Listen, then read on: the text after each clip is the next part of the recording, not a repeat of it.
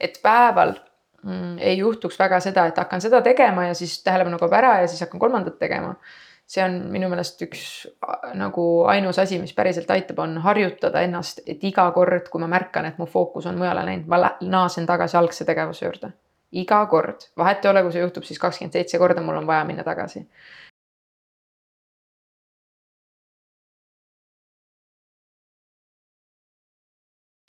tere, hea EKOS tv kuulaja ja vaataja. tere tulemast kuulama meie tänast saadet. meie seekordseks teemaks on ATH ehk aktiivsus ja tähelepanuhäire. viimaste peaasi andmete kohaselt kogeb seda eripära kuskil neli kuni kaheksa protsenti lapsi ja kolm kuni viis protsenti täiskasvanuid. mis see siis täpsemalt on ja kuidas selle eripäraga toime tulla, sellest me hakkamegi täna rääkima mina olen Kadri Pekko ja mu tänane saatekülaline on kogemusnõustaja Kristi Värik. tere. tere, Kadri. Kristi, kuidas sa üldse jõudsid selle ATH teemani või mis ajal sa selle diagnoosi üldse said mm,? kõige esimesena sai meil peres diagnoosi üldse mu abikaasa. ma arvan, et see võis olla ikkagi juba neli aastat tagasi Äh, jah, ma arvan, et umbes neli aastat tagasi ja siis poolteist aastat tagasi või kaks aastat tagasi. Mm, selles mõttes mul on väga klassikaline ATH-kas, et mul on ajaarvamine sassis, eks ju. Ähm, siis, kui no vanem poeg, äh, me läksime temaga nii-öelda äh, psühholoogi ja psühhiaatri juurde, sest et me olime tegelikult väiksest peale olnud kindlad, et, et seal võib midagi olla, aga siis tema kolmanda klassi alguses oli selge, et võib-olla see vajab natuke nagu rohkem tuge siis me läksime temaga psühholoogi ja psühhiaatri juurde ja siis ähm, äh, kui me tema asjadest rääkisime, siis ma alles siis nagu panin tähele, kui paljud asjad on mul endal olnud lapsest peale täpselt samamoodi. et üllataval kombel ma ei pannud seda tähele siis, kui mu abikaasa diagnoosi sai, kuigi mina olin see, kes talle kogu aeg rääkis, et tal kindlasti ATH on mm. -hmm. aga kas siis midagi kuidagi muutus ka, et kui. Äh, kui me diagnoosi saime mm? -hmm Äh, jaa, kindlasti, et ma kogesin seda hästi klassikalist asja, mida kogevad ilmselt äh, väga paljud. et äh, ATH-kad ise ütlevad ka, et on mingi osa, kes saab diagnoosi ja nendel nagu pusle kukub kokku või sihuke mitte ei kuku kokku, vaid vajub kokku täpselt, et nagu kõik tükid sobituvad sinna, kus nad täpselt olema peaksid mm. -hmm. nüüd ma saan aru, miks nii on. mul tuli see hetk nagu ka, aga ennem seda või sellega koos isegi äkki oli mul ikkagi sihuke nagu leinaperiood ilmselt mm ma ei ole kunagi nagu ühtegi diagnoosi peljanud või kartnud või tabuks pidanud, aga ma vist leinasin seda, mis oleks võinud olla, kui ma oleksin mhm. diagnoosi varem saanud. kui palju kergem oleks võinud olla, kui palju lihtsam oleks võinud olla. võib-olla ma ei oleks kasvanud üles arvates, et ma olen lihtsalt äh, laisk, loll ja lohakas, mida enamus ATH-katele tegelikult on ikkagi suurem osa ajast räägitud mm. -hmm. et tagantjärgi sa saad aru, et tegelikult sul kooli ajal juba oli ja lapsepõlves juba oli? jaa äh,, hästi naljakas on see, et äh, mõni aeg peale seda, kui ma diagnoosi sain, siis ma leidsin üles enda gümnaasiumi klassijuhataja mingisuguse niisuguse kirjelduse, mis ta oli meile lõputunnistustega kaasa antud, andnud. ja siis seal kohe need laused olid siuksed, et alustab kõiki asju, ühtegi asja ei lõpeta. et äh, ülimalt võimekas, aga kahjuks üldse ei, ei ela nende võimete järgi nii-öelda. siis ma mõtlesin ka, et no okei okay,, võib-olla oleks keegi võinud siis juba nagu tähelepanu juhtida sellele. aga see oli aastal kaks tuhat, ma ei tea, kuus-seitse, nii et aeg oli teine mm. -hmm. aga, aga räägimegi nüüd siis lähemalt sellest, sukeldume sellesse, et ähm, räägime lähemalt kõigepealt natukene laste ATH-st ja siis täiskasvanute ATH-st, et millised need sümptomid siis põhilised on? no see küsimus on alati niisugune, et sellele oodatakse niisugust vastust, et antakse nagu kümnepunktiline checklist, et mm -hmm. siis ma mhm. tean, mida enda lapsel otsida, vaata. et ei ole niisugust asja, sest see ongi hästi nagu, teebki keeruliseks diagnoosima. spekter on lai, algab siit, lõpeb siit ja siia vahele mahub kõiki erinevaid variante.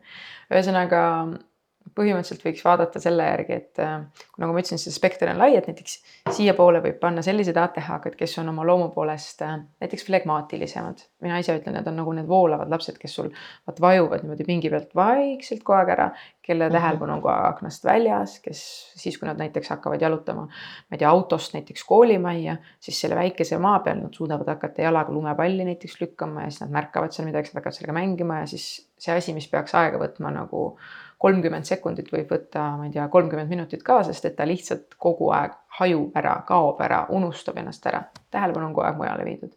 Nemad on siuksed flegmaatilised kulgejad ja siis näiteks sinna teisele poole äärmusesse võiks siis panna see, mida vanasti kogu aeg öeldigi, et ATH-kas on hüperaktiivne poiss mm. -hmm. kuigi tegelikult on hüperaktiivseid tüdrukuid täpselt sama palju.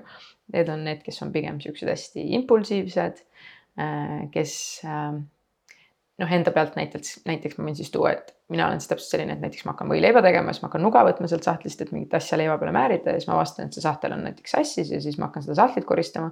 siis kui ma seda sahtlit koristan, siis ma avastan, et tegelikult mulle ei meeldi, mismoodi need asjad seal on. ja siis ma märkamatult olen näiteks IKEA-sse sõitnud ja ostnud sealt selle uue asja, kus neid asju mm, -hmm. neid kõiki neid asju saab panna ja siis kui ma koju jõuan, siis vaatan, ma pole seda võileiba ju veel teinudki, vaata. ja siis on sihuke kuldne keskmik, kes äh, võtab natuke siit ja natuke sealt ja on seal vahel siis selles mõttes. mis siis kõigil ühist on, ongi see, et lihtsalt ähm, dopamiini tootlus on natukene teistmoodi kui nii-öelda teistel inimestel.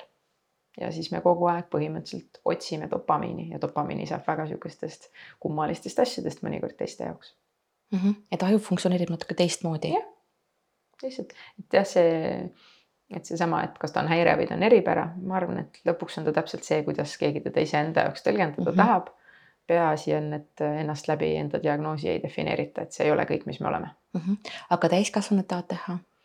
Äh, väga paljud täiskasvanud on lihtsalt õppinud väga palju rohkem ilmselt nii-öelda toimetulekumehhanisme endale nii-öelda võtnud, kohandanud läbi aja mingisuguseid nippe leidnud endale, eks ju. et siis võib-olla sellepärast on ka natuke raskem seda märgata.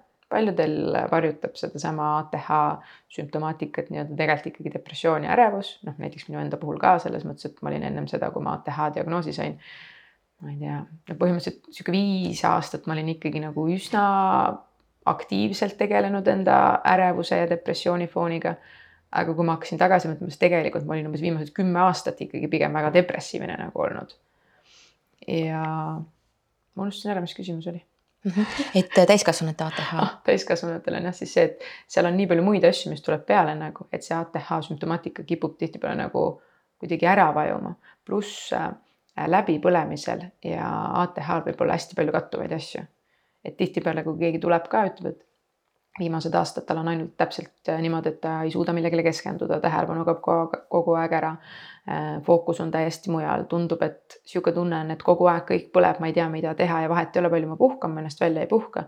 et kui see ongi sihuke asi, mis on kestnud, ma ei tea, mõnda aega ajutiselt ja sellest on võimalik nii-öelda natuke välja tulla, siis tõenäoliselt ei ole tegu ATH-ga, vaid inimene oli vahepeal lihtsalt väga läbi põlenud, eks ju aga kui see on jah, sihuke, et kogu aeg on pigem niimoodi tundunud, siis võiks juba edasi uurida, et äkki seal on midagi veel mm. -hmm.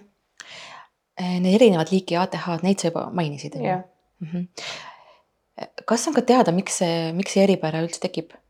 Äh, võib-olla kellegi jaoks on, minu jaoks ei ole, nii palju kui ma uurinud olen, siis mingisugust ühest põhjust sellele nagu keegi mm -hmm. minu teada leidnud ei ole mis on nagu vaata küll, et äh, praegu räägitakse hästi palju ATH-st, varem rääkisime hästi palju depressioonist, mingil hetkel rääkisime hästi palju tere- mm, -hmm. depressioonist ja ärevusest nagu koos. et need asjad nagu käivad niimoodi ka sihukesest äh, lainetena nii-öelda, et praegu meil on sihuke autismi ja ATH laine.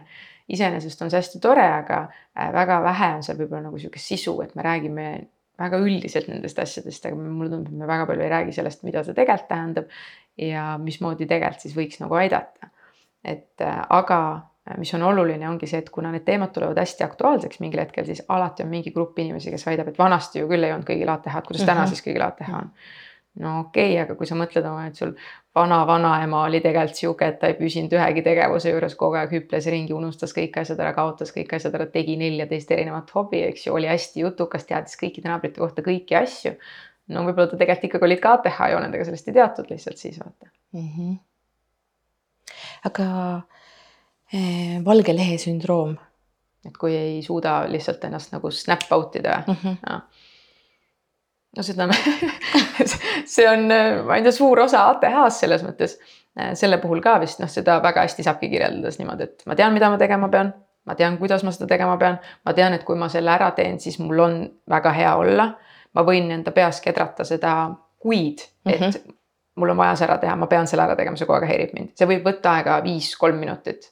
aga ma ei tee seda ära mm. -hmm ma ei tea, ma ei tea, võib-olla selle kohta on ka mingisugune vastus juba olemas, et miks siis nii on.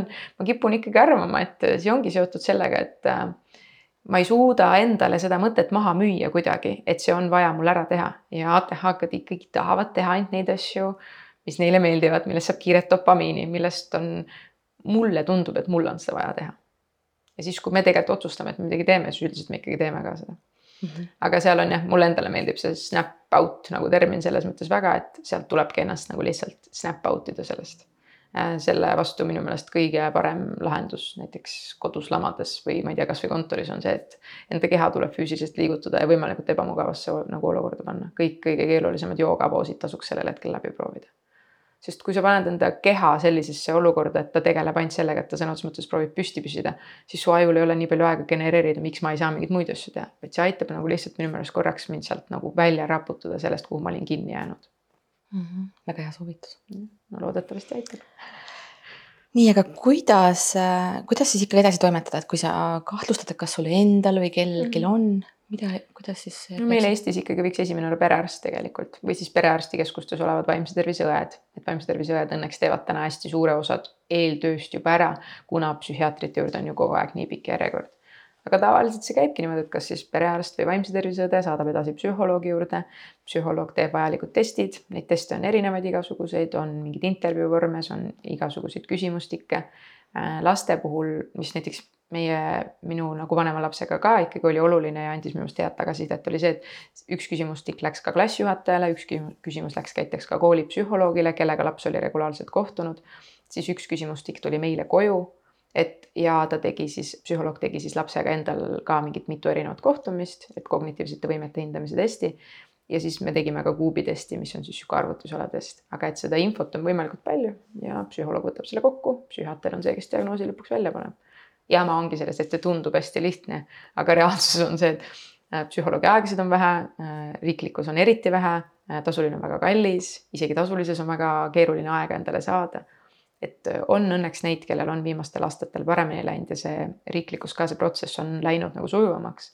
Aga on neid, kes on ikkagi pool aastat ootavad ühte aega ja siis kaks kuud ootavad teist aega nagu, et see teeb selle asja natuke tüütuks ja väsitavaks -hmm. aga kui laste, lapsel näiteks diagnoositakse, kas siis äh, ise pead teavitama lasteaedasid või siis juba automaatselt kuidagi? üldse ei pea mitte midagi ütlema, kui sa ei taha. ei pea mm? -hmm. sa ei pea ka koolis mitte midagi, sa võid ka koolis teha niimoodi, et laps, näiteks lapse klassijuhatajale öeldakse seda, aga aineõpetajatele ei ütle.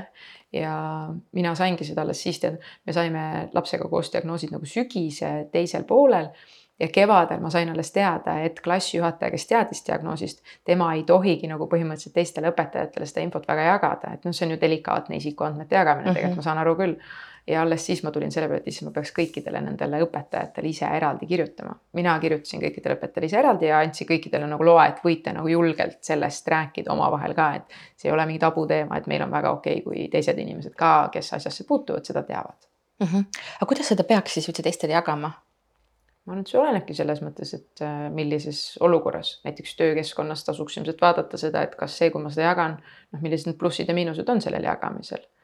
Ähm, mina ei ole ju kunagi seda varjanud või ma noh, mina ei, mul ei ole ka selline töö, võib-olla kui ma töötaksin, ma ei tea, ma proovin mingi kohtunikuna, võib-olla ma siis mm -hmm. mõtleksin teistmoodi, eks ju mm. -hmm. aga mina ei olnud, ei ole üheski nagu nii-öelda kohas seda kuskil tagasi hoidnud, aga ma arvan, et pigem see võiks anda eelise, et teised inimesed sinu ümber teavad ju ka arvestada sinu noh, ütleme siis nende kohta väikeste mingite eripärade või kiiksude või vajaduste või harjumustega mm. -hmm. et ka kogemusnõustajana töötades hästi palju meil ongi seda, et äh, mu kliendid äh, räägivad, et äh, neil on tööl näiteks keeruline, sellepärast et nad on näiteks töö juures väljendanud, et nad ei suuda kinni pidada mingist nagu tähtajast, mingist pikast tähtajast, et neil on natuke rohkem vabadust vaja ja siis tihtipeale juhtubki, et selle äh, tehakse täiesti sihuke äärmuslik lahendus, et enam ei öelda ühtegi tähtaega, öeldakse, et tee siis, kui sa saad, aga see on veel hullem. et pigem on vaja siukseid vahetähtaegasid. aga selle jaoks, et äh, töökeskkond saaks sulle pakkuda seda, mis sind toetab, on ju vaja teistele anda, öelda välja, mida sa vajad, teised ei saa eeldada ja arvata. Nad võivad küll proovida ja mõnikord läheb õnneks, eks ju. aga suures plaanis ju me ikkagi saame natuke ise ka selle eest vastutada mm. -hmm. aga mida sa kogemusnõustajana veel oled näinud, et sellised äh, mingid põhilised hirmud või, või, või kohad tekivad, kui saad diagnoosi mm,? ravimeid kardetakse meeletult, nagu see on ilmselt pika puuga top üks asi mm, -hmm. mida kardavad lapsevanemad, mida kardavad äh, täiskasvanud ise et ja see on alati hästi suureks üllatuseks, kui mina ja psühholoog ja psühhiaater siis ütlevad, et see ei ole mingi kohustus mm, -hmm. mitte keegi ei saa sundida sind mitte ühtegi ravimit nii-öelda võtma, vaata eriti ATH ravimit teine asi, mis on, et antidepressandid ja ATH ravimid on väga-väga erinevad, et neid hästi tihti kiputakse omavahel võrdlema, aga neid tegelikult ei saa niimoodi väga võrrelda. ja, ja ATH rohtudega on ka see, et äh, oma arstiga kokkuleppel saab, ei pea neid võtma igapäevaselt, et seal on hästi palju erinevaid variante, mismoodi mm -hmm. midagi teha nagu. ja saab teha neist pausi ja saab võtta ainult kiirematel aegadel, neid rohte on väga palju erinevaid, et kardetakse kõrvalmõjusid ja laste puhul kardetakse ka seda, et see on nagu kuidagi sõltuvust midagi tekitav. praktika pigem näitab, et ATH-kad ei unustavad üldse rohtu võtta, nii et väga raske on sõltu, sõltuvusse jääda, kui sa pead üldse mõtlema, et kas ma täna võtsin rohtu või ei võtnud ja tõenäoliselt pigem ei võtnud nagu, et pigem on niipidi meil.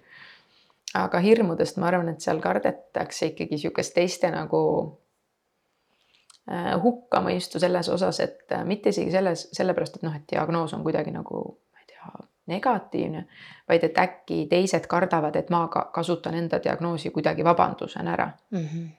pigem ATH-d ei tee sihukest asja, me ei ole, see, see on nüüd hästi üldistav, aga nii palju, et kui kõik need ATH-d, kellega mina olen kokku puutunud, neid, neid on üsna palju. ma ei tea kedagi, kes oleks kuidagi teadlikult manipuleeriv või sihuke oma diagnoosi osas just mm. -hmm. me pigem oleme ise lihtsalt suhteliselt äh, tahame täiega chill'id olla et ei ole nii, et jääd äh, umbes kogu aeg kuhugile hiljaks ja siis on mingid no,. jah, ma ei saagi midagi teha, eks ju, et mul on teha, et noh, seda jah, pigem ei ole selles mõttes küll. pigem on lihtsalt see jah, et äh, võib juhtuda, et ma jään tihti hiljaks, ma annan alati oma parima äh,. aga ma proovin arvestada ikkagi teistega ja. aga jah, et sihukest nagu päris selle taha pugemist minu meelest nagu kohtab küll, aga see on ikkagi väga harva -hmm. et aga kui sa näed, et äh, kellelgi on tõenäoliselt, siis äh, kuidas läheneda, kas äh, ei ole sinu ja mina üldiselt noh, näiteks niisama, et keegi mu seltskonnast on ja ma ei tea, oleme ühise mingil üritusel ja siis mulle tundub, et keegi on ATH-kas. ma pigem ei ütle ise, et tavaline on ikkagi see, et inimesed tulevad ise tavaliselt rohkem küsima ja hakkavad uurima. aga ma mõtlen seda, et mm, võib-olla sellel inimesel ei ole mitte mingisugust probleemi sellega, milline ta on. -hmm. kõik inimesed minu meelest ei vaja diagnoosi, võib-olla ta on väga hästi toimiv, jah, ta võib olla selles mõttes näiteks teiste arust kuidagi väga kaootiline või ta võib olla väga, ma ei tea, hüperenergiline ja püsimatu, aga võib-olla tal on ema oma mingid toimetulekumehhanismid, tema elu toimib väga hästi. kui ma sinna vahele lihtsalt äh, hüppan, et kuule, mulle tundub, et äkki sul on mingi diagnoos, võib-olla see tõmbab tal täitsa nagu vaiba jalge alt ära. Äh, kui inimesed küsivad ise, siis muidugi selles mõttes ma alati suunan ja toetan. kui märgata enda pereliikme puhul, vot siis võib olla natuke teine asi, et siis saab seda oluliselt pehmelt ja delikaatsemalt nagu nii-öelda arutada. aga kuidas täna on, kas sul mingites erinevates seltskondades küsitakse sinu käest? jah, mu lemmikud on need, kui oled kuskil peol ja siis eh, keegi on võtnud mõned klaasid veini ja siis ta on nagu niimoodi, et kuule, et ma olen muidu näinud neid asju, mis sa oled jaganud et mul on muidu ka kogu aeg nii olnud et ja, ja siis jah, siuksed, siukseid asju ikka selles mõttes on, aga pigem on noh, mingid vanad tuttavad on kirjutanud sotsiaalmeediasse üles otsinud, et kuule, et mul lapsel tundub nii ja nii olevat ja nii, et siis ma alati selles mõttes ikkagi aitan ja noh, nii palju, kui ma oskan. mina ei ole ju pädev diagnoosima mingite ravimite kohta, selles mõttes ma saan jagada ainult enda ja meie pere kogemusi nii-öelda. et see ongi ju kogemusnõustaja töö pigem et ma proovin lihtsalt edasi suunata, sest äh, hästi suur probleem ongi see infosulg ja infopuudus ikkagi ja et see info leidmine on lihtsalt nagu mõnikord keeruline mm. -hmm. aga lähme nüüd ATH positiivsete ja selliste lahedate omaduste juurde mm.. mis need on? ATH ressurssid on kõigil väga erinevad. hästi huvitav on minu jaoks on see, et näiteks töö juures ka äh, mul tulevad näiteks kahekümne aastane mingi naisterahvas tuleb, ta on üsna ärev, ta on üsna depressioonis, selle te taga tegelikult on tal see, et ta on siis just saanud ATH diagnoosi nagu ka. ja kui ma hakkangi küsima näiteks, et kas sa ise oskad nimetada mõnda ATH ressurssi, siis ta ütleb ei, sellest on ainult nagu jama on olnud. siis ma nagu okei okay, ja siis lihtsalt räägime, siis ta ütleb ja, et ma inimestega saan pigem hästi jutule nagu ja et mul on erinevaid kogemusi olnud ja ma olen hästi palju erinevaid hobisid proovinud, siis mul ongi, et aga need on ju tegelikult kõik ATH ressursid tegelikult. et ähm, need on igalühel väga erinevad nüüd üldistavalt ma arvan, võibki öelda, et äh, no ATH-kas on see, kelle sa võtad enda ettevõttesse tööle ja kui sa äh, pakud talle õigeid tingimusi, õigeid võimalusi, siis see on see, kes su ettevõte viib sinna, kus ta peaks tõenäoliselt minema. selles mõttes, et ATH-kal ei ole igav, ta ei näe väga seda võimalust, et noh, et meil ei ole mingeid lahendusi. no kuidas seda ei saa olla, et ei ole mingeid lahendusi. enamus ATH-ka peas elab kümme erinevat versiooni ATH-kast iseendast ja nad kõik kogu aeg räägivad seal vaata. Ja siis kogu aeg on hästi palju mõtteid ja asju. meie puhul seda igavuse või seda, et ma ei tea, mida teha, seda ei ole, et pigem probleem on selles jah, et mulle tundub, et ma tahaks kõike teha ja siis lihtsalt noh, aja planeerimine läheb raskeks nagu. ATH ressursid, ma arvan, et ongi hästi suurelt see, et ähm, me saame ju enamasti inimestega hästi läbi, me oleme inimeste inimesed, suurem osa meist. on kindlasti introvertsemaid ka ja, ja on kindlasti ka neid, kes, kes ei naudi võib-olla seda, aga ühest küljest ongi jama, et ATH-ga on hästi palju maskinud, ehk siis nagu teiste pealt käitumist kopeerinud. aga teisest küljest tänu sellele nad on suurema osa ajast omandanud siukse väga hea oskuse teist inimest nii-öelda natuke lugeda ja tajuda. me väga tihti võtame teise inimesega rääkides sellise hääletooni, nagu tal pigem on, eks ju ja igasugused siuksed asjad, et äh, kohanemine võib tänu sellele ilmselt üsna kerge olla. ja noh, sinna juurde igasugune äh, loovus ja kõik see, mis sellega kaasas käib. Aga, aga kui ma nüüd saan, ütleme diagnoosi ja mõtlen, et kuidas ma saan ennast siis veel toetada, kas mingid tegevused, ma ei tea, toidud, liikumised, mis võiks seda kuidagi? ja selles mõttes kõik need asjad ilmselt toetavad äh, mitte ainult ju ATH-ga, vaid põhimõtteliselt äh, me alustame mm. igal nõustamisel täpselt sama asjaga, see ei ole ainult minu teema, see on psühholoogidel, psühhiaatritel, perearstil samamoodi. kuidas on baasvajadused, liikumine, magamine, söömine ja siis äh, see kõlab nii tobedalt, sa pead lihtsalt nagu igapäevaselt natuke liikuma mm, -hmm. iga öö normaalselt magama, igapäevaselt normaalselt sööma. see ju kõlab kõige lihtsamalt üldse Mhm. ja nagu suurem osa meist, mitte ainult ATH-d, mm. vaid ka niisama me ei saa sellega lihtsalt hakkama. kõige suurem väljakutse on ju. kõige suurem väljakutse, minul endal viimast kuud kõige suurem väljakutse, et ma ei maga enam nagu hästi ja ma saan aru, et see on sellest, et stressitase on veits kõrgem. aga nagu see ajab mind nagu selles mõttes nagu närvi, et see on nii lihtne asi, et ma tegelikult tahan magada. et miks ma siis ei maga, vaata. Aga need asjad selles mõttes toetavadki ülipalju kui unerežiim on korras, ATH-d kipuvad olema öökullid, sellepärast et õhtuti on lihtsalt vaiksem, õhtuti on rahulikum. õhtuti ma olen võib-olla päriselt ka üles ärganud, sest ATH-d on pigem siuksed suurema unevajadusega, kuigi see on nüüd küll sihuke viiskümmend, viiskümmend, ma arvan, et jaguneb. aga jah, et äh, see, et kui see unerežiim on enam-vähem nagu toimiv ja enam-vähem paigas ja sealt edasi see, et ma suudan ka süüa, sest väga paljude ATH-kate jaoks on ka söömine raske, sest et see ei ole lihtsalt, et ma lähen võileiba tegema, nagu ma ütlesin, seal on väga-väga mitu erinevat etappi, mis tuleb läbida. ja nagu suurema toidu valmistamise puhul näiteks perele on veel neid etappe veel rohkem. kui keegi seal kogu aeg vahele segab, siis see tekitab sellist nagu stressi veits ja siis see söömise planeerimine ja asjad. pluss ähm, ATH-kadel on ka ikkagi tihtipeale väga autistlikke jooni, minul on neid väga palju erinevaid, suurem osa nendest on toiduga seotud ja kõik lõhnad, tekstuurid on ülimalt olulised ja noh, ja siis juba hakkadki, et noh, õhtuti ei taha hästi magama minna, päeval on väga keeruline süüa, eks ju. ja siis selle liikumise planeerimine on keeruline, et sellised ongi nagu sihuke klassikaline ATH-kas, kes jõuab ilmselt nõustamisse. ja siis me alustamegi nendest, et kuidas saaks unerežiimi enam-vähem paika. kuidas saaks niimoodi, et igapäevaselt või üle päeva suudaks vähemalt, ma ei tea, nelikümmend viis minutit mingisugust trenni teha. Ja siis, et suudaks kolm korda päevas lihtsalt süüa ja ei pea olema mingi suur megasoe toit lihtsalt, et sa sööksid üldse. sest ravimit võtma ATH-ga jaoks on eriti oluline, sest ravim saab päriselt enda tööd ainult siis teha, kui sa oled ka normaalselt maganud ja söönud ikkagi tegelikult mm. -hmm. aga kas on mingeid toite ka, mis nagu kindlasti kuidagi väga hästi mõjutavad ähm,? no sellest on palju räägitud, et kas suhkur mõjutab hüperaktiivsust, eks ju, näiteks laste puhul ka vaata. et äh, ATH-kad ise ilmselt ikkagi on seda piisavalt palju kogenud, et äh, Äh, no laste kohta ma arvan, et see on väga individuaalne lihtsalt tegelikult, et ma arvan, et see oleneb väga paljudest lastest, väga paljudest muudest asjadest, oleneb, ma ei tea, millistest suhkrutest sa mm, -hmm. kust sa seda suhkrut saad ja mingitest muudest asjadest, eks ju. Enda peal ja täiskasvanud ATH-kate peal ma seda ei ole näinud, et suhkur kuidagi nüüd kedagi aktiivsemaks muudaks. pigem on see, et see suhkur võtab ju muu toiduisu lihtsalt ära et vot see on minu meelest see kõige jamam asi, et okei okay,, ma söön selle šokolaadi küll, väga tore, mul sellest mingit energiat ei tule, aga see võtab mul see toiduisu päriselt ära, nii et ma siis päriselt nagu sihukest toitvat, toitainerikast toitu lihtsalt ei söö, et see hakkab minu meelest pärssima. et äh, kuna ATH-katel on suurem tõenäosus igasuguste sõltuvustega maadelda, siis äh, eks jah, palju on ikkagi seda, et toitumisega on selles osas just keeruline, et äh, ei suuda nii-öelda kontrolli all hoida, mida ja kui palju ma täpselt ikkagi söön, et seda regulaarsust ja asju on üsna vähe. aga muidu ma ei tea, noh näiteks kofeiini kohta on ka hästi palju erinevaid uuringuid tehtud. Ehm, minu ja minu pere ja minu lähiringi ATH-kate jaoks on kofeiin pigem uinutav kui erutav, et see on ka niipidi tegime siukse väikse inimkatse, loodetavasti lastekaitset keegi ei kutsu, aga lubasime siis ka enda kaheteistaastasel nagu mingit lahjat nagu siukse latte kohvi juua, kuna talle endale hullult maitseb kohvi. Ja siis just selle mõttega jälgisime teda niimoodi kulli pilguga, et kas ta muutub siis nagu kuidagi. ei muutunud üldse, minu arust kui midagi, siis tõesti ta muutus pigem võib-olla veidi chillimaks korraks lihtsalt et selles osas jah, et ma ise kohvi ei joo, aga mul abikaasa ütleb ka, et ta joob kohvi ju maitse pärast, et see mingisugust nagu sihukest energiat talle ei anna mm. -hmm. kuidas pöörata ATH enda kasuks?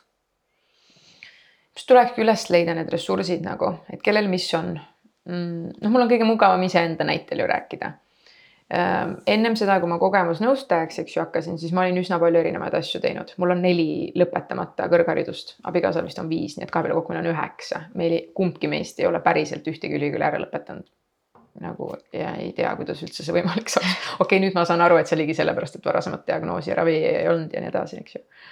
Ehm, aga ma arvan, et ja see on ka põhjus, miks ma tegin ilmselt igasuguseid erinevaid asju, ma ei teadnud täpselt, mis ma teha tahan, pluss kuna mul sellest ATH-st aimu ei olnud, ma ei saanud üldse aru, miks ma nendest asjadest nii kiiresti ära tüdinen mm. -hmm. et sihuke esimene aasta on nagu täiega põnev, täiega tore ja siis on nagu igav on nagu juba jama ja siis kõik hakkab tunduma nagu hästi üksluine.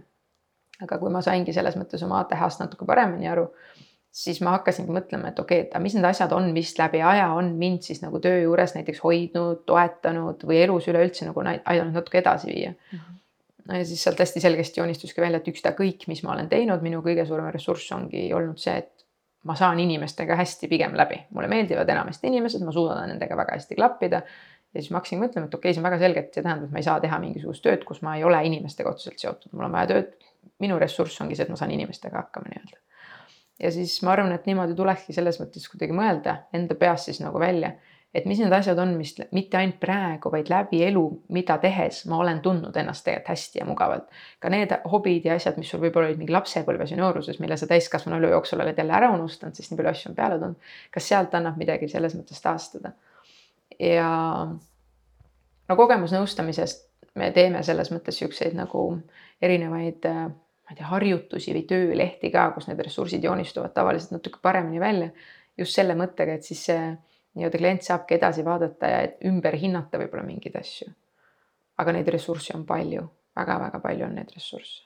kasvõi seesama, et kui suurem osa inimesi jookseb kriisiolukorras kokku, siis ATH-de puhul juhtub seda väga harva. mul on üks hästi tore näide, see oli kaks aastat tagasi suvel, mu lapsed olid kaheksa, kolmekesi, üks sõber oli ka mänguväljakul, nad olid sellel ajal siis umbes kümme ja kuus, ma pakun, eks ju, ja meie olime abikaasaga linnast väljas söömas ja siis see vanem laps helistab mulle, teeb nagu videokõnet, alguses ma näen ainult teda, et tšau, et kuule, meil siin mänguväljakul väike jama. ma mingi okei okay,, et näita mulle palun, mis see jama on. siis ta keerab kaamera meie väikse poja poole, äh, kes oli kukkunud mänguväljakult niimoodi alla, et tal oli nagu ta oli hästi kõrgelt selle, noh, selle ronimispüramiidi pealt alla kukkunud ja ta oli siis enda seal põsesarnaga läinud vastu mingisugust tugevat asja niimoodi, et tal oli silm nagu noh, niimoodi sinine siit täiesti mm ma kujutan ette, et tavaliselt lapsed on nagu siuksed, et nad ehmatavad selles olukorras ära, minu oma oli, et no mis me nüüd siis teeme ja kuna tal see sõber, kes tal kaasas oli, on ka ATH laps. Nad olid selle neljakümne viie minutiga, mis meie siis koju jõudsime, nad olid nagu kõige paremini üldse toimetanud. Nad olid selle nutva lapse koju viinud, nad olid teda jalutanud temaga koju, mitte teda ratta peale sundinud, üks oli ta ratta siis koju viinud. Nad olid talle siis seal kodus vist mingisugust magusat morssi teinud, sest kuskilt oli ilmselt meeles, et peaks äkki mingi suhkruvett andma või midagi, vaata. siis nad olid talle külma silma silma peale pannud ja siis nad olid talle kiirnuudleid teinud, mida ma isegi ei teadnud, meil kodus oli tol hetkel. aga mis ilmselt siis oli ainuke asi, mis seda nutvat kuueaastast lohutas oma sinise silmaga nii-öelda. ja siis ta vaatas multikat et äh, minu meelest see ongi väga hästi võtab selle kokku, et kui on nagu päriselt see olukord, kus on nüüd vaja otsustada, nüüd on vaja teha, nüüd on vaja rahulikuks jääda, siis ATH-kas sellega saab nagu pigem väga hästi hakkama. et äh, kui sa vaatad, kui palju on ATH-kaid, kes töötab äh, sellistes kohtades, kus neil on vaja näiteks otse-eetris olla või siis näiteks kui palju on ATH-d, kes töötavad kiirabis ja sihukestes kiirreageerimiskohtades, protsentuaalselt ilmselt on päris suur arv mm. -hmm aga, aga kuidas sellega siis rahu teha? mulle tundub, et see on sama, et nagu, et kuidas teha rahu sellega, et su silmad on sinised mm. -hmm. et noh, see on ju, see on ju osa sinust ja see ei ole negatiivne, sellel on väga palju negatiivseid külgi küll ja võib-olla me nendest ei rääkinudki praegu nii palju tegelikult, kui nagu aktuaalne ikkagi on, aga aga see on ju lihtsalt osa sinust, ehk siis kuidas ennast aktsepteerida selle jaoks on kõigil ilmselt erinevad meetodid, ma kujutan ette. et äh, nagu ma ütlesin, mul oli küll sihuke leinaperiood näiteks endal, aga, aga ma ei tundnud kordagi, et see oleks midagi, mida ma ei taha. ja kui ma peaksin täna ka valima, keegi ütleks sulle, et davai, võtame selle ATH sust välja. ei, ja ma ei tea ühtegi ATH-kat, kes seda tahaks ka et sellest on ka meil ATH gruppides nagu juttu olnud aeg-ajalt ja siis nad kõik ütlevad, et jaa, kuigi see tingib selle, et seetõttu mul on väga kaootiline, kuigi ma võin väga palju asju nii-öelda viimasel hetkel teha, mina teen ka kõik asjad ainult viimasel hetkel. ja kuigi ma olen kogu aeg veits tundnud, et ma ei sobi või ma ei tea täpselt, ma olen täpselt nagu ring, mida proovitakse siis kasti suruda, eks ju, või vastupidi, siis noh, ära ma seda ka ei annaks ikkagi. ja ma arvan, et sealt see rahu ilmselt siis tulebki lõpuks, et olgu, mis on, mul tegelikult on mul ju nagu nii palju head, ma ei tea, pinnast, mille pealt edasi ikkagi minna mm. -hmm. ja see võib-olla lisab mingit põnevust või mingit kindlasti jah, kindlasti jah, näiteks mul oligi, et äh, ma lõpetan pereteraapia äh, baaskursust, selle lõputöö esitamiseks oli aega poolteist kuud ilmselgelt ja siis kolmapäeva õhtul null nulliks oli see vaja ära saata. ma hakkasin umbes kaks nädalat tagasi seda tegelikult juba vaatama. aga siis meil seal grupivestluses Äh, mõned need äh, osalejad ütlesid, et jaa, et äh, ma olen alustanud, tegin nii palju, tegin nii palju ja siis keegi ütles seal niisuguse lause, et, et ma ei usu, et seda on võimalik isegi vähem kui viie päevaga teha. siis ma olin nagu, nüüd, kui sa nii ütled, siis ma ju ei saa nagu mitte tõestada sulle, et on võimalik. siis mul oli täpselt sihuke challenge accepted, okei okay. ja siis ma tegin selle kolmapäeval viie tunniga, siis ma olin nagu selles mõttes, et nagu ma ei kiida ennast väga tihti, aga nagu tegelikult ma olen ikkagi päris lahe ja ma ütlesin sulle, et saabki, et vaata siuksed asjad ongi, et nagu kogu aeg on nagu ikkagi veidi põnevam. et aga jah, see väljakutse asi minu meelest toimib nagu päris okeilt, et äh, eile ühe kliendiga meil oli ka jutuks, et kuidas näiteks äh, kuidas ikkagi saaks niimoodi, et ma ei kulutaks kogu aeg enda palka kõik ära lihtsalt selle peale, et ma noh, voldin toitu, mitte ei tee toitu siis ma ütlesin ka, et äh, ma arvan, et seal väga hästi sobibki see, et teed oma sõpradega mingi kokkuleppe, kes saab kõige vähem raha kulutada toidu peale, sest siis sul tekib see, et okei okay,, hasart tekib nagu vaata mm. -hmm. Ja see hasart selles mõttes viib päris hästi tegelikult edasi, et mõnikord kipub muidugi äärmustesse veidi minema. aga jah, et äh, selles mõttes need on huvitavad asjad ja ole mm. -hmm. mul jäi alguses küsima, et, et, et ATH on geneetiline, on ju jah, suurelt jaos ikkagi ATH on geneetiline. aga kas see võib nagu tekkida kuidagi, kas see siis nagu tekibki, et kui sa sünnid või, või see nagu kuidagi elu jooksul või, või kuidas sellega? ma arvan jah, et seal on niimoodi, et äh, mõned inimesed, kes sünnivadki oma nii-öelda ATH-ga, nende ümber juba see nende kodune nii-öelda keskkond on nii toetav, et see ATH ei saagi seal nagu nii-öelda, ma ei taha öelda välja lüüa -hmm. aga saad aru küll yeah., et pigem ongi see, et et äh, näiteks seal kodus on nii tugevad rutiinid, vanematel on näiteks nii hästi ära õpitud enda toimetuleku mingid mehhanismid, mida nad annavad nende lastele väga hästi edasi, nii et need lapsed omandavad need hästi kiiresti. Äh, võib-olla seal on, ma ei tea, koolikeskkonnad, vanavanemad, mingisugune tugivõrgustik, mis toetab seda last nii väga, et ta kasvab juba üles niimoodi, et jah, ta saab aru küll, et okei okay,, ma olen see inimene, kes kipub hilinema, aga ma pean kogu aeg ajavaruga arvestama. ehk siis ta juba väiksest peale kuidagi harjub palju rohkem ja palju paremini nagu arvestama sellega, et tal on siuksed väiksed nii-öelda eripärad. ja kui ta täiskasvanuikka jõuab, siis jah, seal võib ju juhtuda, et see rutiin kaob ära näiteks peale kooli lõppu, eks ju, ja siis tekib tal see, et ta ei saa enam üldse hakkama, aga on ka neid, kes saavad, sest et see on lihtsalt nii sisse nii-öelda juurdunud. muidugi mingid suuremad ja siuksed äh, põhjalikud uuringud tegelikult näitavad, et kui laps saab äh, diagnoosi üsna lapseeas ja võtab põhimõtteliselt kuni siukse varajase täiskasvanu eani Eh, õige doosi, õiget ravimit õigetel tingimustel, siis äh, aju on väga, väga plastiline, et siis on väga suur või noh, ma ei tea, kas just väga suur, aga oluliselt suurem tõenäosus, et täiskasvanud enam rohtu ei vaja, sest et nii-öelda see korrektuur on natuke rohkem juba tehtud, et need asjad on juba sisse rohkem inimesele jäänud. Versus see, et mina sain siis diagnoosi, ma ei tea, ma olin kolmkümmend kaks või kolmkümmend kolm, eks ju. et ma olen ju kolmkümmend kaks või kolmkümmend kolm aastat täpselt ühtemoodi teinud ja siis proovi siis ise hakata neid asju seal täpselt risti muutma, see on oluliselt raskem aga jah, me vaatame küll ATH-kate puhul ikkagi seda, et kuidas vanematega ka on. tihtipeale lihtsalt ongi vanemate puhul seda väga raske märgata, sellepärast et noh, enamus meie vanuste vanemaid on kasvanud üles ranges Nõukogude Liidus, kus lihtsalt ei olnudki mingit sihukest asja, et tee seda, mis sulle sobib, vaid tehti ainult seda, mida öeldi, et peab mhm. tegema nii-öelda. nii et kord oli lihtsalt majas, sa ei saanudki seal hakata tähele panema, et kas sulle sobib või ei sobi see. nii oli lihtsalt aga Kristi, räägime korra ikkagi nendest ATH raskematest osadest, et mis need on? ja ähm, see ongi hu- huvitav, et kui loetakse ette neid ATH sümptomeid, eks ju, ja siis nii-öelda nagu neid miinuseid või siukseid, siis need on alati siuksed hästi klassikalised. Ähm, hilineme palju, kipume teiste jutule vahele segama, ei suuda fookust hoida, ei oska väga hästi keskenduda mm,, ei meeldi järjekorras enda korda hoida kipume pendeldama, oleme kaootilised, oleme flegmaatilised, hajume ära, vajume ära, kõik siuksed asjad ja need on ka, need käivad asjaga kaasas ähm,. küll aga minu meelest on kümme korda raskem tunne olnud see, et sa ju ise saad aru ka, et sul on nii aga sa ei saa aru, miks nii on mm. -hmm. või sa ei saa või isegi kui sa aru saad, sa saad mingil hetkel aru, et sa ei saa midagi sinna teha. seesama valge lehe asi näiteks.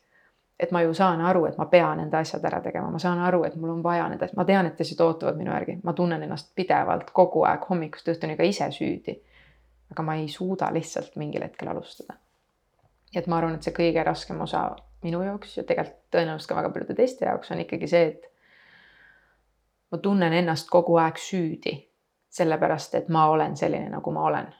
sest noh, tegelikult ju ühiskond ei ole väga toetav seni olnud, mhm. et nüüd alles viimastel aastatel õnneks me räägime sellest väga palju rohkem, me proovime mõista, me tahame toetada. seni on ju pigem niimoodi olnud, et mina pean ennast väga-väga-väga palju, väga tugevalt suruma ühiskonda, mis tegelikult mind ei aktsepteeri sellisena, nagu ma olen ikkagi. et ma arvan, et see raskus ongi see, mis viib tõesti pooled ATH-kad, ma arvan, vähemalt depressioonini ikkagi. ja ma arvan, et see ongi see raske osa. et mm -hmm. Kuidas siis kohaneda keskkonnas, kus ma tegelikult nagu ei tunne, et see oleks minu õige keskkond. aga mida aeg edasi, seda rohkem see keskkond muutub. me ise mõtestame neid asju ümber. Mm, me oleme aru saanud, et kõik ei saagi ühesugused olla, kõik ei peagi ühesugused olema. ma arvan, et see läheb selles mõttes väga palju paremaks mm. -hmm aga seda, äh, mõned inimesed mõtlevad endale nagu külge ka seda haigust. mitte haigust, vaid nagu pigem seda eripära. Kindlasti jah, ma arvan, et mitte ainult seda, vaid ähm, inimesed tahaks, mulle tundub hästi tihti siukseid nagu easy fix'e ja kiireid mhm. lahendusi mm -hmm. ja siis mõnikord võib jääda tunne, et mõni diagnoos võib-olla on seda. pigem on tegelikult see, et see diagnoosi saamine on ainult nii väike osa, mis sa selle diagnoosiga edasi teed see on ju see, mis lõpuks määrab tegelikult selle. sama on ATH puhul näiteks ka ravimitega, et hästi palju on ikkagi seda, ma näen, et ka kogemusnõustamisse inimesed tulevad, et okei okay,, ma kahtlustan, mul on ATH ja et ma arvan, et kõik mu elus umbes läheks paremaks siis, kui ma saaksin diagnoosi ja ma saan ravimid. ja ma olen nõus, et tõenäoliselt lähebki kõik paremaks, aga see ei pruugi olla niimoodi, et saan diagnoosi ära, siis saan kohe õige ravimi, siis kõik nagu magically healed et esiteks õige rohu leidmisega võib mõnikord aega minna, ma ei tea, kuus-seitse kuud vabalt täiesti, sellepärast et rohte on erinevaid, kuidas nad kõigile mõjunevad, erinevad doosid, väga palju erinevaid asju mängib seal rolli, eks ju. aga kuidas see siis on, kui sa ütleme, oled saanud mingeid rohtusid või mingeid, mingeid kuidagi läinud teistmoodi, see, kuidas see teistmoodi olemine siis on? Vaata, vanasti oli niimoodi, et kui autodel on, autos olid auto need raadiod, eks ju, sai keerata ja kruttida neid. Ja siis mõnikord, kui sa otsid seda raadiojaamas, sa jäid sinna kahe raadiojaama vahele niimoodi, et nagu siit sahises, siit sahises ja sealt vahelt sa kuulsid erinevaid helisid, mõnikord heal juhul see oli veel soome keeles ka nagu, eks ju. no sihuke on umbes see lärm, mida sa kogu aeg ATH-kana tegelikult koged, sul on peas sihuke sahin nagu kogu aeg, hästi palju asju, mis kogu aeg tundub, et ma pean seda tegema, ma pean seda tegema, kõik asjad haaravad tähelepanu ja samal ajal mitte miski ei haara tähelepanu nagu, eks ju ja kui sa selle õige rohu saad, siis on niisugune tunne, et okei okay,, seda sahinat ja see kõik jääb sinna tahapoole. mul on tunne, et ma kuulen ennast. ma kuulen päriselt, mida mina mm. tahan, mida mina päriselt vajan, ma suudan prioritiseerida, ma suudan fookust hoida, ma suudan aru saada, et kõik ei põlegi kogu aeg, vaid mul on aega neid asju teha. Kui ma diagnoosi sain, siis ma proovisin vist nelja erinevat rohtu, ükski neist ei sobinud mulle Äh, need muutsid mu väga palju veel ärevamaks. Mm, pulss läks väga kõrgeks, mul oli süda paha ja ma sain lihtsalt aru, et ei aitäh, ma saan mhm. piisavalt okeilt hakkama. siis läks mingi aastakene mööda, just tuli Eestisse üks uus rohi, mida meil varem ei olnud ja ma otsustasin sellega katsetada, sest et see on natuke teistsugune rohi. ja esimesel päeval ma võtsin selle rohu ära. ja ma veel helistasin abikaasale, ütlesin, et ma ei tea, mulle tundub, see rohi ei tee nagu midagi, ülikallis rohi on see veel ka, nagu ütlesin, okei okay,, täitsa mõttetu ja läks mingi neli-viis tundi mööda, ma olin kodus ja siis üks lastest lõikas, et kuule, koeratoit on otsas, ma mingi okei okay. ja siis ma olin poes, nagu läksin seda koeratoitu ostma ja siis ma ostsin seda koeratoitu, siis ma sain aru, et oh my god, ma olen poes. et ma tulin poodi päriselt sest tavapärane oleks olnud, et lapsed ütlevad mulle koeratoit on otsas ja mul oleks nagu. aga äkki meil on kassitoitu, mida talle anda, kas naabritelt saaks äkki mingit liha, sest naabrimees on jahimees. meil on äkki sügavas midagi, mida talle anda, ma oleks teinud nagu proovinud leida kõiki muid lahendusi peale selle, et teha seda ilmselgelt minna poodi ja osta koeratoitu. siis ma, siis ma tulin poodi, et mu mõte oli, et mul on koeratoitu vaja, see on asi, mis on vaja ära teha, see on veits tüütu kohustus ja ma tulin seda tegema, siis ma olin nagu okei okay,, lahe, kas teistel inimestel ongi nii? esmaspäeval mul oli sama, et mul oli nelikümmend minutit aega, enne kui ma pidin hakkama tööle minema. ja siis ma mõtlesin, noh, et nelikümmend minutit on aega, ma sõidan ainult kakskümmend minutit tööle, nagu et kakskümmend minutit, see tähendab seda, et ma jõuan rahulikult süüa ja mingi pesu pesema panna, siis ma jõuan natuke telekat vaadata. ja siis ma istusin maha. siis ma sain aru, et ei, ma ei jõua tegelikult neid asju teha, et kui ma lähen varem tööle, siis ma pean parem need asjad töös valmis panema, kui klient tuleb, siis mul on kohe olemas. siis ma sõitsin tööle mõtlesin, okei okay,, see ongi seesama, mida need nagu teised inimesed siis tunnevad et nad arvestavad sellega ette, et võib-olla neil on vaja varem kuskil kohal olla või. et eh, need on siuksed hästi huvitavad hetked, mil sa saad aru, et okei okay,, ju sellest roast ikka on kasu tegelikult Kristi, kuidas ATH energiat suunata siis sellist igapäevas, igapäevases elus selliste praktiliste näidetega? Alati siis, kui ATH-kad vaata räägivad, et nad ei suuda lihtsalt enda päeva väga hästi ära planeerida, siis nagu top üks soovitus ja see on väga koomiline on, ju, et aga tee endale to-do list ja osta endale kalendermärkmik, vaata. ATH grupis on selle kohta, ma kujutan ette tuhandeid nalju, sest et suur probleem pole selles, et ma ei oska seda märkmikut osta, ma võin selle, need asjad sinna märkmikusse üles kirjutada, aga kui ma selle märkmiku ära kaotan, siis midagi kasu ei ole lihtsalt. või ära unustada, on ju. muidugi, üks asi on see, et ma unustan selle märkmiku ära või teine asi, ma unustan jah, et ma selle üles kirjutasin, noh neid variante on lihtsalt nii palju nagu, eks ju ehm, mis need asjad siis on, mis toetavad, on ikkagi see, et jah, mingisugune üleskirjutamise süsteem peaks ikkagi olema, aga see võiks olla nagu selline, mis on konkreetselt ingivile inimesele ikkagi sobiv nagu. et noh, näiteks mul ei ole mõtet enam neid märkmikke osta, mul on kodus neid, ma ei tea, ma pakun kolmteist, neliteist, viisteist. esimene leht on hästi ilusti ära täidetud, esimene nädal on nagu ka ja siis teisest nädalast läheb nagu lappama ja kolmandal nädalal pole midagi kirjutatud küll aga ma olen aru saanud, et mul on vaja, et mul need asjad üles kirjutada, mul on need telefonis, sest mu telefon on ju kogu aeg mul ikkagi kuskil läheduses lihtsalt nagu. aga Kristi, kas sa arvad, et keegi nagu reaalselt nagu ostab selle kalendrimärkmiku, kirjutab lõpuni jaa, ma olen näinud siukseid inimesi, mu oma sõbrannad on siuksed näiteks, et lepime näiteks, räägime näiteks Messengeris, et kuule, vaadake mingi, lähme näiteks järgmine kolmapäev kinno. Ja siis üks ütleb, et ma ei saa praegu vaadata, mul on märkmik kodus, ma olen nagu What? siis ta mingi, jaa, et mul on kõik asjad märkmiks kirjas, ma mingi, mis asja nagu, kuidas? et siis sa ei kaota seda ära, vaata. ja ühesõnaga, ma olen näinud, et inimesed kirjutavad ja kasutavad lõpuni märkmikku ja võtavad uue märkmiku, kui vana saab otsa nii-öelda nagu. aga jah, et tasub enda jaoks leida see asi, mis siis toimib nagu. Äh, kõige paremini on ikkagi minu meelest, äh, kui on nagu vaja mitte ainult enda aega planeerida, et sul on kodus nagu lihtsalt seinte peal välja prinditud igasugused päevaplaanid, see ei ole sul mitte ühes kohas, vaid see on sul põhimõtteliselt iga ukse peal, kus sa mhm. vähegi saad selle endale riputada nagu ja igal päeval võiks olla, noh, tööülesannetega on kindlasti neid keerulisem teha, aga näiteks koduse elu puhul on igal päeval on üks kindel ülesanne. näiteks mul on esmaspäeviti on ülesanne, et ma teen vannitoad ja WC-d puhtaks. see ongi esmaspäevane ülesanne, pühapäeviti on ülesanne, et ma voldin pesukukku ja vahetan voodipesu ära. ehk siis sa proovid endale igasuguste väikeste asjadega kogu aeg luua sihukest toetavat rutiini selles osas. et päeval mm, ei juhtuks väga seda, et hakkan seda tegema ja siis tähelepanu kaob ära ja siis hakkan kolmandat tegema see on minu meelest üks nagu ainus asi, mis päriselt aitab, on harjutada ennast, et iga kord, kui ma märkan, et mu fookus on mujale läinud, ma naasen tagasi algse tegevuse juurde. iga kord, vahet ei ole, kui see juhtub siis kakskümmend seitse korda, mul on vaja minna tagasi.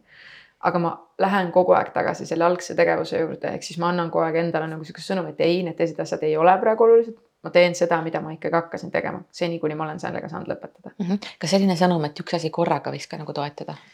Ja ilmselt muidugi võiks, noh, väga tore oleks näiteks, kui inimene teeb arvutis tööd ja sellel ajal tal ju ainult lahti on ainult need aknad, kus ta siis tööd teeb ja näiteks telefon on hääletu peal ja tagurpidi keelatud.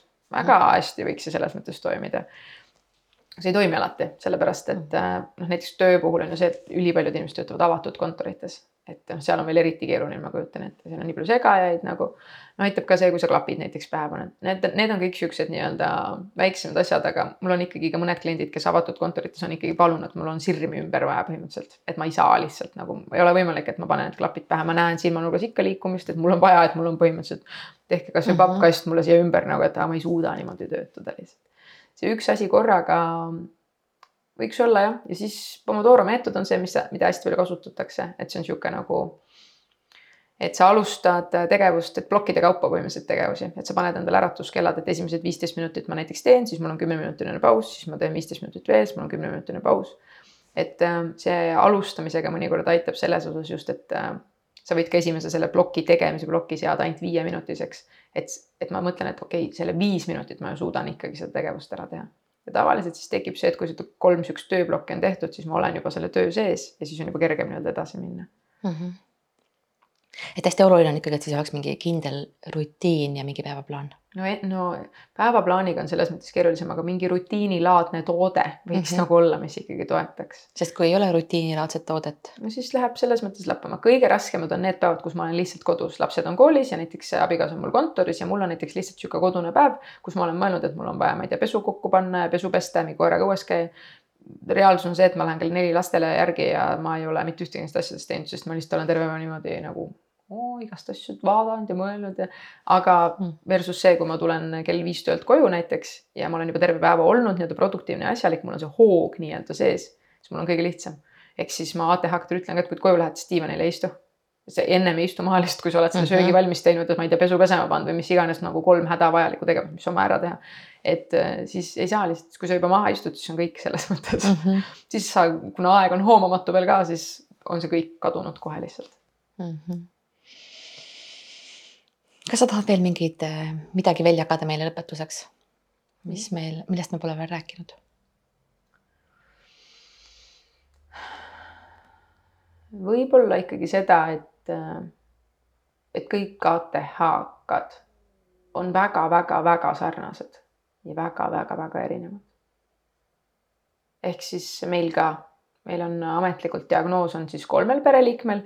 kõige nooremal on täpselt niimoodi, et psühhiaater ütles, et no see on ju ilmselge aga kuna tema on natuke teistsugune, siis tal ei ole praegu selles mõttes veel ravimeid vaja olnud, nii et me ei ole ka näinud talle otseselt põhjust seda diagnoosi sinna digilukku nagu kirja panna, et see ei ole midagi muutnud, me ju ise teame nagunii. aga samal ajal me oleme kõik sarnased ja väga-väga erinevad.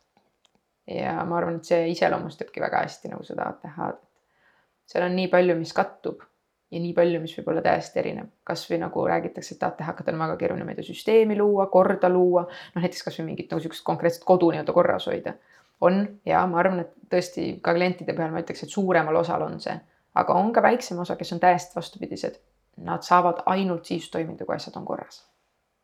nii et see ongi et väga erinev ja niisugust kümmet punkti, nagu ma ennem ütlesin alguses, ei ole checklist'i, et teen kümme punkti ära, et näe, siin mul on ATH nii kahjuks ei saa jah mm. -hmm. aga kuidas see mõistmine, ütleme, kui, kui lapsevanemal ei ole ja ta lapsel on või, või ma ei tea, vastupidi. siis kuidas? nad pigem tulevadki sinna kogemusnõustamisse, käivad koos pereteraapias, käivad koos psühholoogi juures.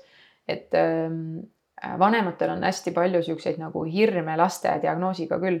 palju vist ikkagi kardetakse tõesti seda, et äkki see diagnoos jätab mingi märgi maha nagu mm. -hmm. Kas, seda ei ole nagu. et kas ta saab nagu elus hakkama. ja, ja või seda, et näiteks äkki see hakkab teda taot-, äh, segama, kui ta tahab minna näiteks, ma ei tea, lubasid taotlema mm, -hmm. et ei, need on ju kõik privaatsed isikuandmed, sa ei pea neid mitte kellelegi jagama. vaata, tegelikult saab ju isegi digiloos nagu ära peita niimoodi, et inimesed ei näe sinu nii-öelda asju ka mingid, ma ei tea, perearstid või mm -hmm. mis, mis iganes vist. et, et mingit nagu märki sellest nagu tegelikult külge ei jää ja sama on sellega, et ATH-ga näiteks saab puuet taotleda ka ja sa saad näiteks aastase puude taotleda, selle jooksul saad erinevaid teenuseid, see on väga mõistlik tegelikult. sa saad ju tasuta käia mingites teraapiates ja siis vanematel on ka, et ei, ei, ei, et ei mm -hmm. puuet me küll ei taotle mm, -hmm. et siis ma alati ütlen ka, et tead, et ma ei tea ise, kuna mul ei ole tegelikult sellega endal kokkupuudet, aga ma tean, et seda saab. siis ma alati ütlen, et aga, aga see ei tähenda, et puue ei ole ju midagi halba iseenesest, pluss Eestis meil on ju see, et sa pead puuet nagunii uuendama, et see aegub sul ära, see ei ole mingi püsiv asi et seda ei ole jah, et ma olen kuulnud, osades välisriikides tõesti on niimoodi, et see ATH märge jääb nagu kuidagi rohkem juurde. meil Eestis ei, ei mitte midagi ei jää. ja kas ATH, kas saab elus hakkama? kui tal on juba vanemad, ATH lapsel on sellised vanemad, kes on juba tulnud temaga nõu küsima, kes on juba nõus uurima, kes on juba nõus kompromisse tegema ja mingisuguseid asju muutma, siis see on juba lapsele nii suur eelis, et jah, ta tõenäoliselt saab väga okeilt hakkama sest et äh, mina ja väga paljud teised täis, täna täiskasvanud ATH-kad kasvasime ikkagi niimoodi üles, et sellest ju ei räägitud midagi, nii et see vahe on juba väga suur. vanemad vähem süüdistame ennast. ja see ei ole mingi halb äh, kasvatus ja ma ei tea, mis siuksed kummalised muud äh, müüdid veel ringil levivad nagu. see ei ole kasvatusega üldse seotud mm. -hmm. kindlasti saab kasvatusega toetada aga see ei tähenda, et keegi oleks lapsevanemana halvasti teinud, läbi kukkunud, ise selles süüdi. null hmm.. kas oskad veel mingit soovitust vanematele? Ehm, me oleme täna hästi palju liikunud selles suunas, vaata, et äh, nii teraapiates kui ühiskonnas räägitakse sellest, et lapsepõlv on meid kõiki kujundanud ja see on super oluline ja see ongi super oluline. aga vanematel on see vist nii suure surve peale pandud, et vanemad paaniliselt kardavad kogu aeg eksida ja kardavad, oi, kui ma nüüd niimoodi teen, äkki ma tekitan sellega mingi suure äh, trauma talle mm. -hmm. ma arvan, et aus on öelda, et mõne trauma me vist tekitame neile ikka, mõni lihtsalt on ilmselt väiksem, mõni on ilmselt suurem. ja kuigi me tahaks olla oma laste jaoks nagu kõik, kogu kuu ja tähed ja kõik planeedid, siis me ei ole.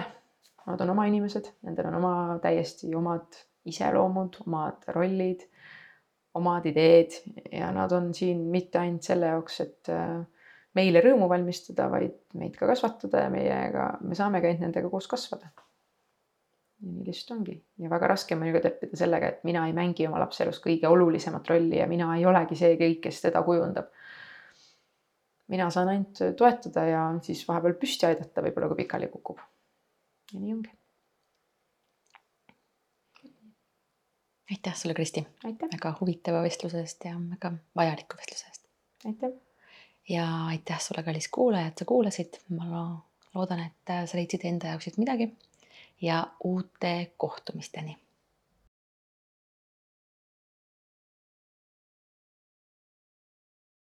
ja kui sa soovid olla kursis uute EKOS tv saadete ja pakkumistega, siis liitu EKOS-i kodulehel meie uudiskirjaga ning saad miinus kümme protsenti sooduskoodi, mis kehtib Ecosi toodetele